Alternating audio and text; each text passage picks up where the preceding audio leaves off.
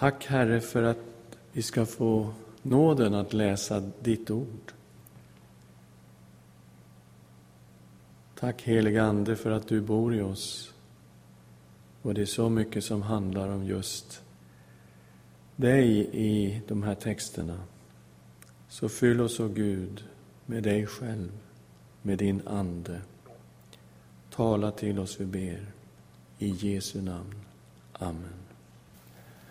Ja, vi ska gå vidare in i en ny avdelning av Apostlagärningarna. Vi följer den programförklaring som Jesus gav i första kapitlets åttonde vers när han talade till apostlarna inför att de skulle få den heliga Ande. Men när den heliga Ande kommer över er ska ni få kraft och bli mina vittnen i Jerusalem och i hela Judeen och Samarien och ända till jordens yttersta gräns. Och nu har vi kommit till steg två, kan man säga, Judeen och Samarien. Man har just avrättat Stefanus. Man har stenat honom till döds. Och man kan tänka att nu kom det väl en sån skam över Stora rådet och de ledande i Israel så att nu så omvände de väl sig, eller åtminstone lyssnade på Gamaliels ord där han talade till rådet i 5.38. Men nu säger jag er, håll er borta från dessa män och låt dem gå. Ty om detta skulle vara påhitt eller verk av människor kommer det att rinna ut i sanden. Men om det är av Gud kan ni inte slå ner dem. Kanske visar det sig att ni strider mot Gud. Det var Gamaliels visa ord. Men inte heller det var någonting som de tog till sig. Det står här i slutet av det sjunde kapitlet och som också har siffra 8.1. Och Saulus hade gått med på att han dödades. Saulus, som sen blev aposteln Paulus, var lärjunge till Gamaliel som hade gett de här visa orden. Det ser vi i 22 kapitlet, att han var en lärjunge, en som hade setat vid Gamaliels fötter. Han hade inte lyssnat på sin store lärares råd. För vi kommer in här nu i det åttonde kapitlet och det är en stor förföljelse som ökar i just Jerusalem. Och vi ska läsa om Saul av Tarsus del i förföljelsen. Och Saulus hade gått med på att han dödades. Samma dag bröt en svår förföljelse ut mot församlingen i Jerusalem. Och alla utom apostlarna skingrades över Judeen och Samarien några gudfruktiga män begravde Stefanus och höll stor dödsklagan över honom. Men Saulus försökte utplåna församlingen.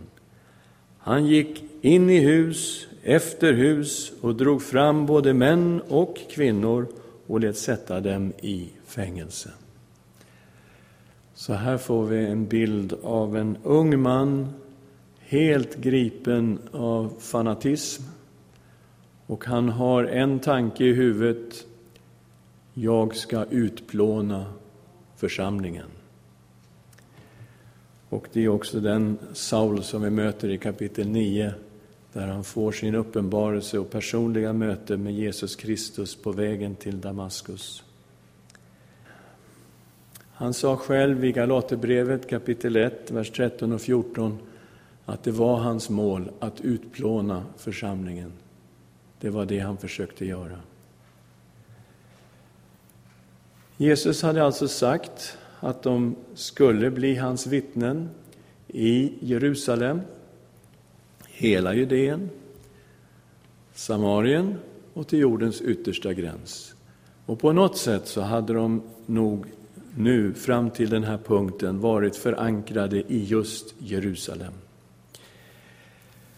Och den här förföljelsen är naturligtvis fruktansvärd i sig, men vi ser också gång på gång hur Gud är så mycket större än omständigheterna.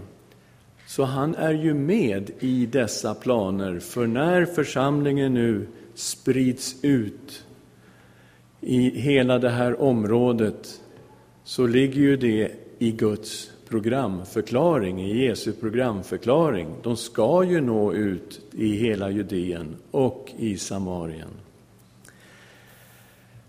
Och det är gång på gång så, även när vi tittar i vår närhistoria, fruktansvärda saker hände i Iran 1979 när ayatollah Khomeini kommer dit och upprättar den islamiska staten och väldigt många människor avrättas. Miljontals iranier flyr Iran. Men Gud använder det här för att öppna det iranska folket för evangeliet. Och idag kan vi säga att iranierna är nog det muslimska folk som är mest öppet för evangeliet i hela världen. Så visst, genom hemska saker är Gud ändå mycket större än omständigheterna och har den förunderliga förmågan att verka sina planer genom någonting som ser rakt igenom ont ut. Och så var det i den här situationen. Diakonen Filippus kommer till Samarien och vi läser ifrån fjärde versen. Det som nu hade skingrats gick omkring och predikade evangeliet. Filippus kom ner till staden Samaria och predikade Kristus för folket. Och de höll sig endräktigt till det som Filippus predikade, när de hörde och såg de tecken som han gjorde. Ty under höga skri for orena andar ut ur människor, och många lama och lytta botades, och det blev stor glädje i den staden. Men i staden fanns en man vid namn Simon som bedrev trolldom och hade slagit folket i Samarien med häpnad. Han sa sig vara något stort. Alla, både små och stora, höll sig till honom och sade Han är den Guds kraft som man kallar den stora kraften. De hade hållit sig till honom därför att han under en lång tid hade bländat dem med sina trollkonster. Men när de nu trodde på Filippus som predikade evangelium om Guds rike och Jesu Kristi namn döptes de, både män och kvinnor. Också Simon kom till tro. Och sedan han blivit döpt höll han sig till Filippus. Han blev mycket häpen när han såg de stora tecken och kraftgärningar som utfördes. Det blev alltså en väckelse bland samarierna. Jesus hade ju varit i Samarien. I Johannes 4 läser vi om hur han kom till staden Sykar och hela staden kom till tro på honom och bekände och sa, nu vet vi i sanning att han är världens frälsare. Och nu skingrades församlingen och man kan tänka sig, skulle de inte stanna kvar i Jerusalem och liksom bara lida ut förföljelsen? Ja, de hade ju faktiskt Jesus ord att gå på. Om de förföljer er i en stad, så fly till nästa, hade ju Jesus sagt. Och det säger han i Matteus 10, 23. Och när de spreds ut, så spreds de ut med evangelium och de var fortfarande fyllda av den heliga Ande. Filippus, ja det är inte aposteln Filippus det här, utan det här är diakonen, en av de sju som utvaldes i sjätte kapitlet för att göra tjänst vid borden. Så att här har vi nu några kapitel som just handlar om de här diakonerna. Vi har ju Stefanus, som vi då har läst om i kapitel 6 och kapitel 7, så blev den första martyren i den kristna församlingen. Och så fortsätter det med en diakon i centrum, Filippus. Och han predikade evangeliet i Samarien och Det står om en stad som hette Samaria och det ger lite huvudbry. Man tittar på bibelkartorna, Vad är Samaria någonstans? Ja, Herodes den store, han som då var skyldig till barnamordet i samband med Jesu födelse, han hade byggt upp staden och kallade den för Sebaste, som är det grekiska namnet på Augustus, alltså kejsar Augustus, som då var kejsare på den tiden när Herodes den store regerade i området och han hade alltså gett staden namnet efter kejsaren. Men här använder Lukas det gamla namnet Samaria. Filippus predikade och det skedde ju tecken och under. Vad är det här för diakoner? De var fulla av ande och vishet. Det var liksom kriteriet för att kunna väljas till den här diakontjänsten. Och de var inte bara fulla av ande och vishet, de var ju också predikanter. Så att de predikade, och det sker ju samma saker här som skedde genom Petrus, som skedde kring Jesus. Alltså det, man ser ju ingen skillnad direkt. Onda andar far ut, människor blir helade, lama börjar gå. Det är ju samma sak som hände Petrus och Johannes som gick upp till templet för att be i det tredje kapitlet. Och den här mannen som blir helad, som satt där och tiggde vid porten. Ja, här händer samma saker. Och det blir en väckelse i Samaria. Många, många människor kommer till tro. Och så är det fokus på en man här som hette Simon. Han bedrev trolldom, han var alltså en magiker och var erkänd då i hela området som en som hade övernaturliga krafter. Och det här med magi var väldigt vanligt i romarriket. Så att det var ingenting märkligt att det fanns här, det fanns lite överallt. Vi ser att eh, Paulus och Barnabas möter det på Cypern redan på sin första missionsresa i det trettonde kapitlet. Uppe i nittonde kapitlet i Efesus så bränner de ju ett jättebokbål med massor med böcker som just handlar om magi och svartkonst. Så det här var en vanlig företeelse i romarriket. Och den här mannen, han blir ju förbluffad när han ser den kraft och de under och tecken som sker genom Filippus. Så han blir också döpt. Det är lite märkligt. Och han håller sig till Filippus, ungefär som klistrad vid honom. Han är helt bländad av vad han ser. Tycker det här är fantastiskt. Och han försöker på olika sätt snappa upp fler kunskaper, tror jag. Eh, hur går det här till egentligen? Han verkar inte ha riktigt koll på vad det är som händer, att Filippus är fylld av den heliga Ande och att det är Gud som verkar rakt igenom Filippus. På något sätt har han inte koll på läget. Och när apostlarna får höra att det är väckelse i Samarien, ja, då skickar de ner radarparet Petrus och Johannes. Det är de som är tillsammans på något sätt. Det är de som går upp till templet tillsammans, där i tredje kapitlet, och står inför Stora rådet tillsammans. Och det verkar som om Petrus och Johannes jobbar väldigt nära varandra som apostlar. Och de gör alltså ett besök i Samarien. Vi kommer till den fjortonde versen.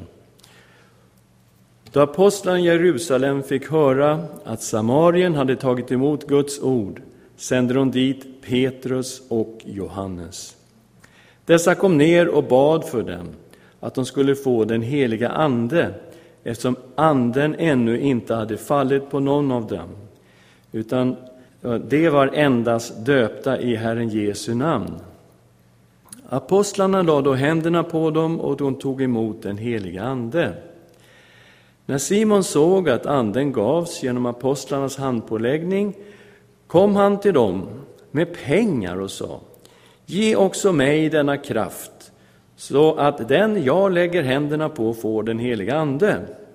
Petrus sa till honom, till fördärvet med dig och dina pengar, eftersom du menar att Guds gåva kan köpas för pengar. Du har inte någon del eller lott i den här saken, eftersom ditt hjärta inte är uppriktigt inför Gud. Vänd dig därför bort ifrån din ondska och be till Herren. Kanske ska han förlåta dig vad du tänker i ditt hjärta. Jag ser att du är förgiftad av bitter galla och bunden med orättfärdighetens band. Simon svarade, be ni för mig till Herren så att inget av det ni sagt kommer över mig. Ja, så apostlarna reser alltså ner, eller ja, det står ner till Samarien, det är ju norrut. Och eh, i den bibliska texten kan man undra över det här med ner, men det är alltså att Jerusalem ligger väldigt högt. Och vart man än reser från det här Jerusalem så reser man ner alltså. Det är så. Och, och, därför blir det liksom, ja, det är så det sägs i Bibeln, man reser ner till, till Samaria. Och eh, då möter oss ju en fråga här. Okej, okay, de var bara döpta i Herren Jesu namn, men den heliga Ande hade inte fallit på någon enda av dem. Och hur ska vi förstå detta? Att det är konstigt för oss, det är ju klart. Vi måste fråga oss, Filippus, var han eh, en människa som var fylld av den helige Ande? Ja, det var han. Han hade inte blivit utvald bland de sju om han inte var fylld av Guds ande. Och vi ser också hur Gud har använt honom. Här sker fantastiska under och tecken. Han är helt uppfylld av Guds kraft. Har apostlarna kanske inte lagt händerna på honom? Jo, det har de också. När de avskilde de sju så la apostlarna händerna på de sju och bad för dem och avskilde dem för tjänst. Jaha, då hittar vi ingenting där hos Filippus som på något sätt skulle kunna förklara det vi läser här. Det blir ju ytterst märkligt. Finns det en annan förklaringsmodell? Jag ska åtminstone ge er en, så får ni tugga på den. Jesu programförklaring. Men ni ska få kraft när den heliga Anden kommer över er och ni ska vittna om mig i Jerusalem och i hela Judeen och Samarien och ända till jordens yttersta gräns. Här ligger alltså någonting, ett uppdrag till apostlarna. Och det handlar om Jerusalem, Judeen, alltså Jerusalem låg i Judeen. Det handlar om Samarien och det handlar om folken, hedna folken. Och vi tittar på i Apostlagärningarna så ser vi fyra tillfällen när den heliga Ande föll över grupper av människor. Och det första är ju förstås det som händer eh, på pingstdagen, när alla de troende var församlade. Det var församlingens födelsedag, andedopet, när den heliga Ande faller över lärjungarna. Det dånar, de ser tungor av eld och de börjar tala olika språk och de blir alla uppfyllda av den heliga Ande. Varenda en som är där, det är en gruppuppfyllelse av den heliga Ande. Här skedde många övernaturliga manifestationer. Andra gruppen som vi möter, det är just här i det åttonde kapitlet av eh, Apostlagärningarna, när vi är i Samarien. Här har vi då evangelisten Filippus, alltså han som var diakon, som predikar i Samarien. Och många människor kommer till tro. Men där står det väldigt tydligt att den heliga Ande inte föll över samarierna. Men apostlarna som är nere i Jerusalem får höra att nu är det väckelse i Samarien. Då är det klart för dem att de måste dit. Och de skickar dit då ledande apostlar, Petrus och Johannes. Och det är först när apostlarna lägger händerna på samarierna som den helige Ande faller. Det står inte exakt här vad som hände men vi får anta att det hände ungefär som på pingstdagen, att de talar i tungor, att de profeterade, att de blev helt uppfyllda av den heliga Ande. Eh, det får vi anta, även om det inte är spesat i själva texten. Det tredje tillfället, ja, då är det grupp nummer tre. Alltså, vi har ju här nu då Jerusalem, Judeen, Samarien, till jordens yttersta gräns. Och då är det hedningarna det handlar om. Och det är alltså en grupp hedningar som samlas i Cornelius hus. Och vi har ju det tionde kapitlet där vi läser om detta. En ängel hade kommit och uppenbarat sig för Cornelius, som var en troende hedning. Han var officer i den romerska armén. Och eh, han får instruktioner av ängeln att skicka några personer ner till Joppe och hämta upp en viss Simon Petrus därifrån som ska komma till hans hus. Och vet Simon Petrus att gå in i en hednings hus, det går inte. Va? Det har han aldrig gjort i hela sitt liv. Så under tiden de här liksom går, så är Petrus där nere i Joppe och han ser en syn. Tre gånger kommer som ett jättelakan ner från himlen med alla tänkbara djur i det här lakanet. Och han hör ord som säger Petrus, slakta och ät. Petrus säger nej, nej, nej, inget orent har någonsin kommit vid mig, jag kan inte äta det här. Och så kommer orden, vad Gud har förklarat för rent ska du inte hålla för orent. Och tre gånger händer synen, så det är klart att Gud försöker säga någonting. Men han vet inte vad Gud försöker säga. Han sitter där uppe på taket i garvarens hus i Joppe och funderar, vad, vad betyder det här? Och under tiden så knackar det på några människor där nere och frågar efter honom. Och den helige Ande säger, du ska gå med dem här. Okej, okay. han och några till tågar iväg upp mot Caesarea för att komma till Cornelius hus. Under vägen så fattar ju Petrus vad den här synen betyder. Så när han väl kommer och börjar predika, då faller den heliga Ande över de här hedningarna inne i Cornelius hus.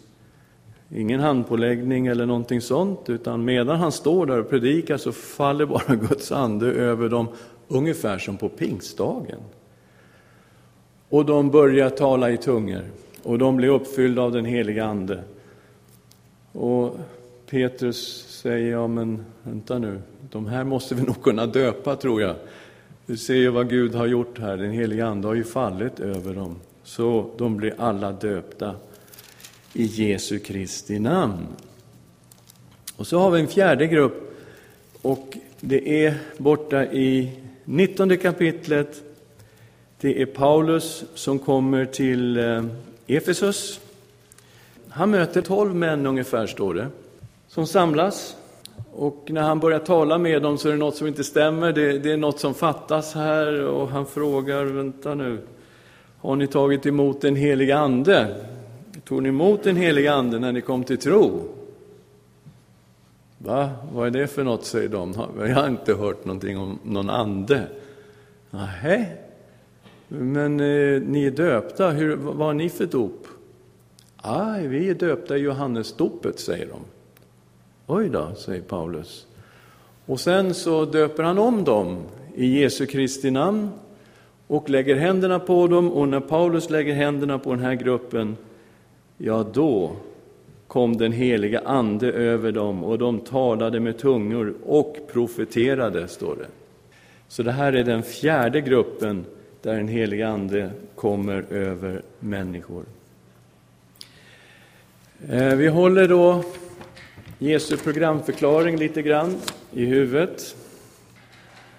Och vi ser att de här fyra grupperna stämmer ju ganska väl in med Jesu programförklaring, att de skulle få kraft att vittna om Jesus i Jerusalem, hela Judeen, Samarien och till jordens yttersta gräns, det vill säga också bland hedna folken.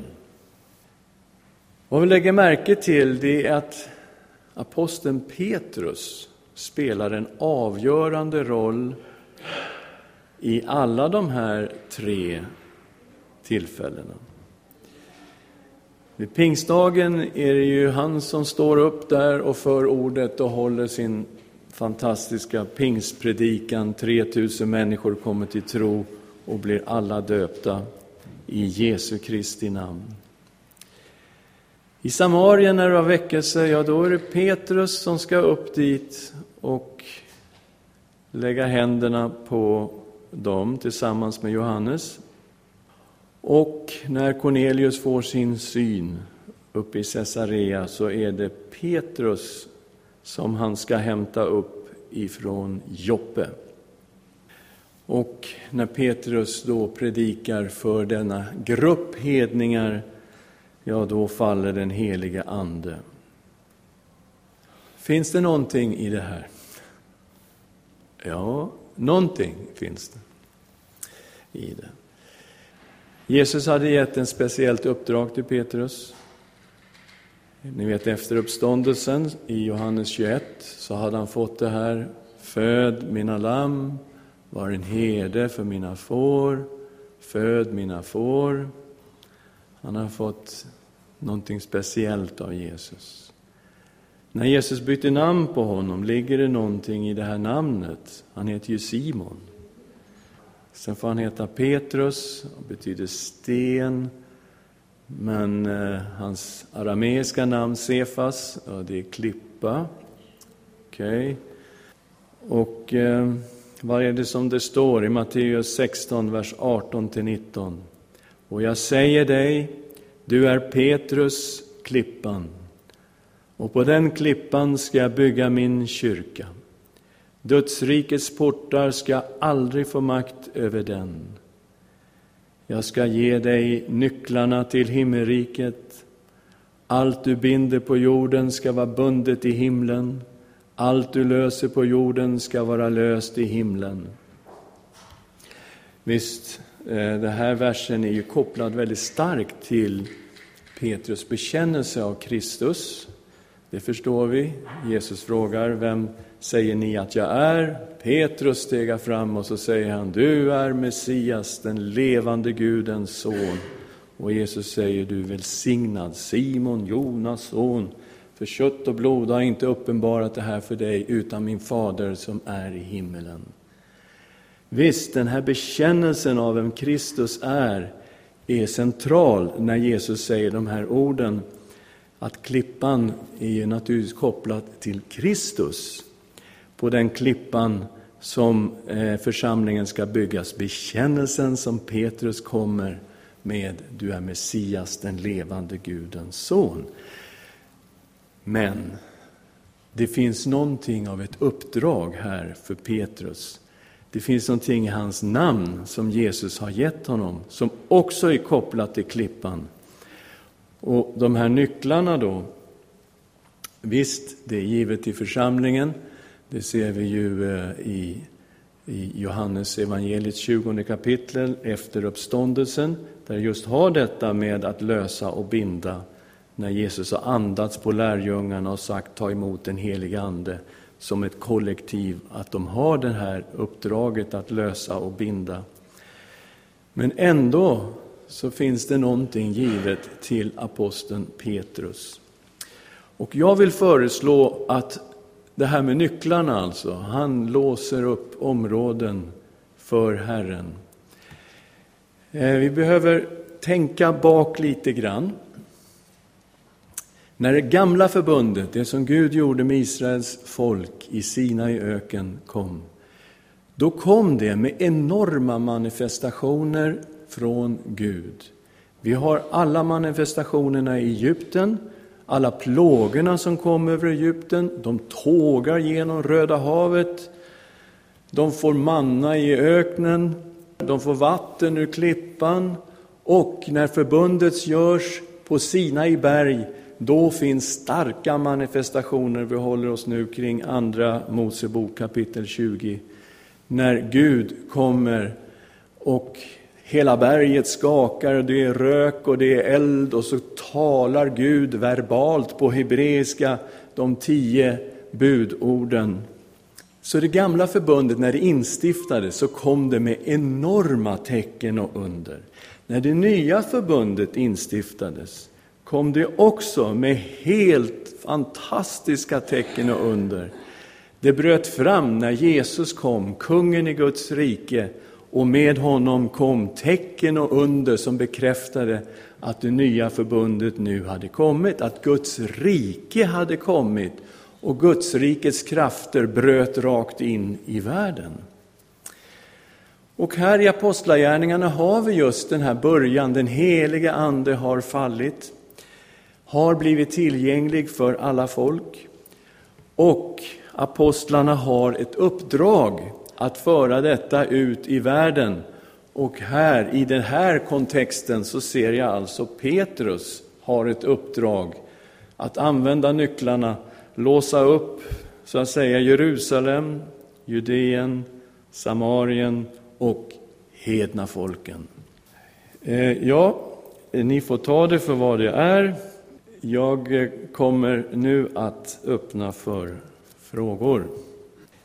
Eh, jättebra fråga, tack. Eh, Petrus har ju alltså sagt till alla som lyssnade på hans pingstpredikan i det andra kapitlet om den heliga Ande, när de frågar vad ska vi göra? De känner ett styng i hjärtat. Jesus, eh, Petrus säger i 38 versen, omvänd er och låt er alla döpas i Jesu Kristi namn så att era synder blir förlåtna. Då ska ni få den heliga Ande som gåva. Så att han ställer inte upp några andra kriterier än omvändelse och tro på Jesus Kristus. Så hur ska vi då förstå detta att de inte hade fått den heliga Ande, eller att den heliga Ande inte hade fallit på dem?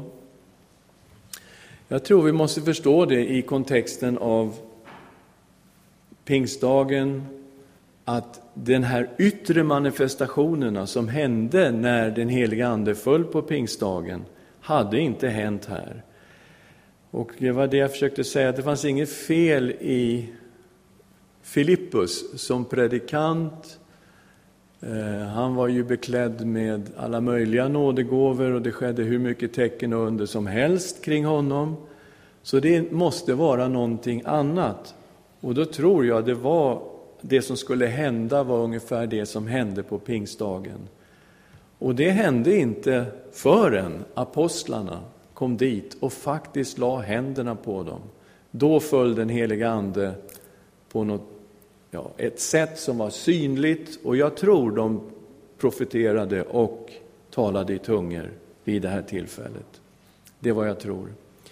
Det står inte här, men jag antar, för det är så det beskrivs ungefär, att den heliga Ande föll.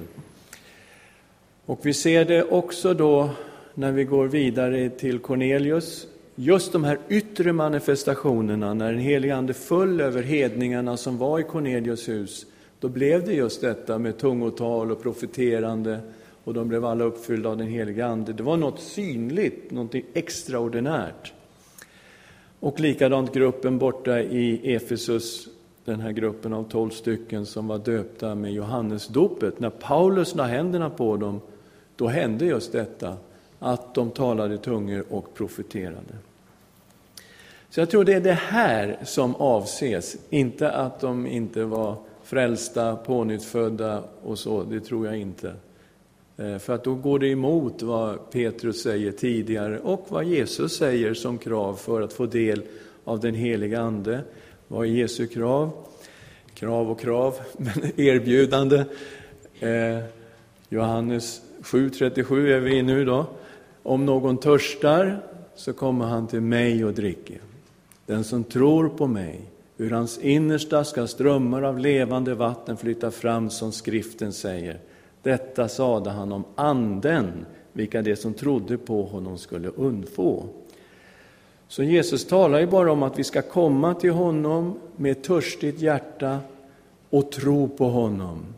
Då får vi dricka av hans levande vatten, den heliga Ande. Han har liksom inga andra krav som han ställer upp än tron på Jesus.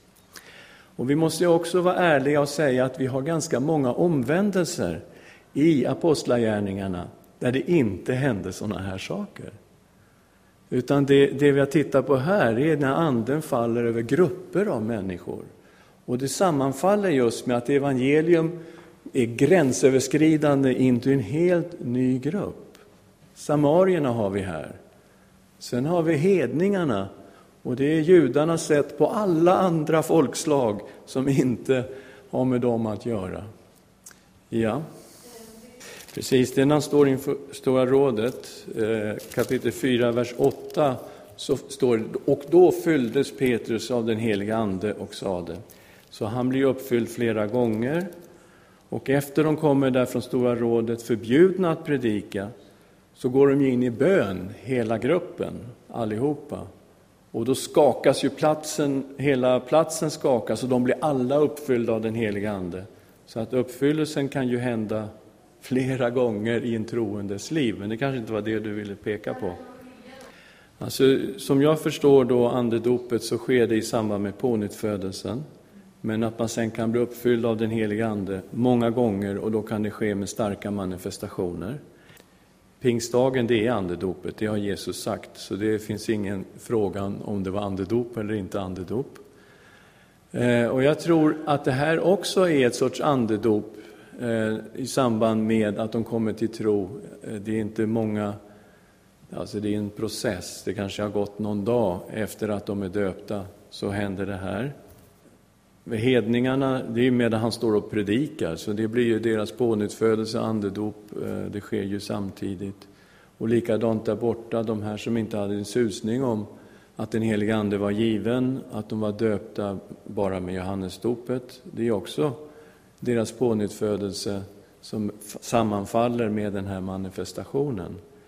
Men att sen vi kan bli uppfyllda av den heliga Ande och få gåvor och tecken och så, det är något som kan hända alla troende när som helst och många gånger under livet.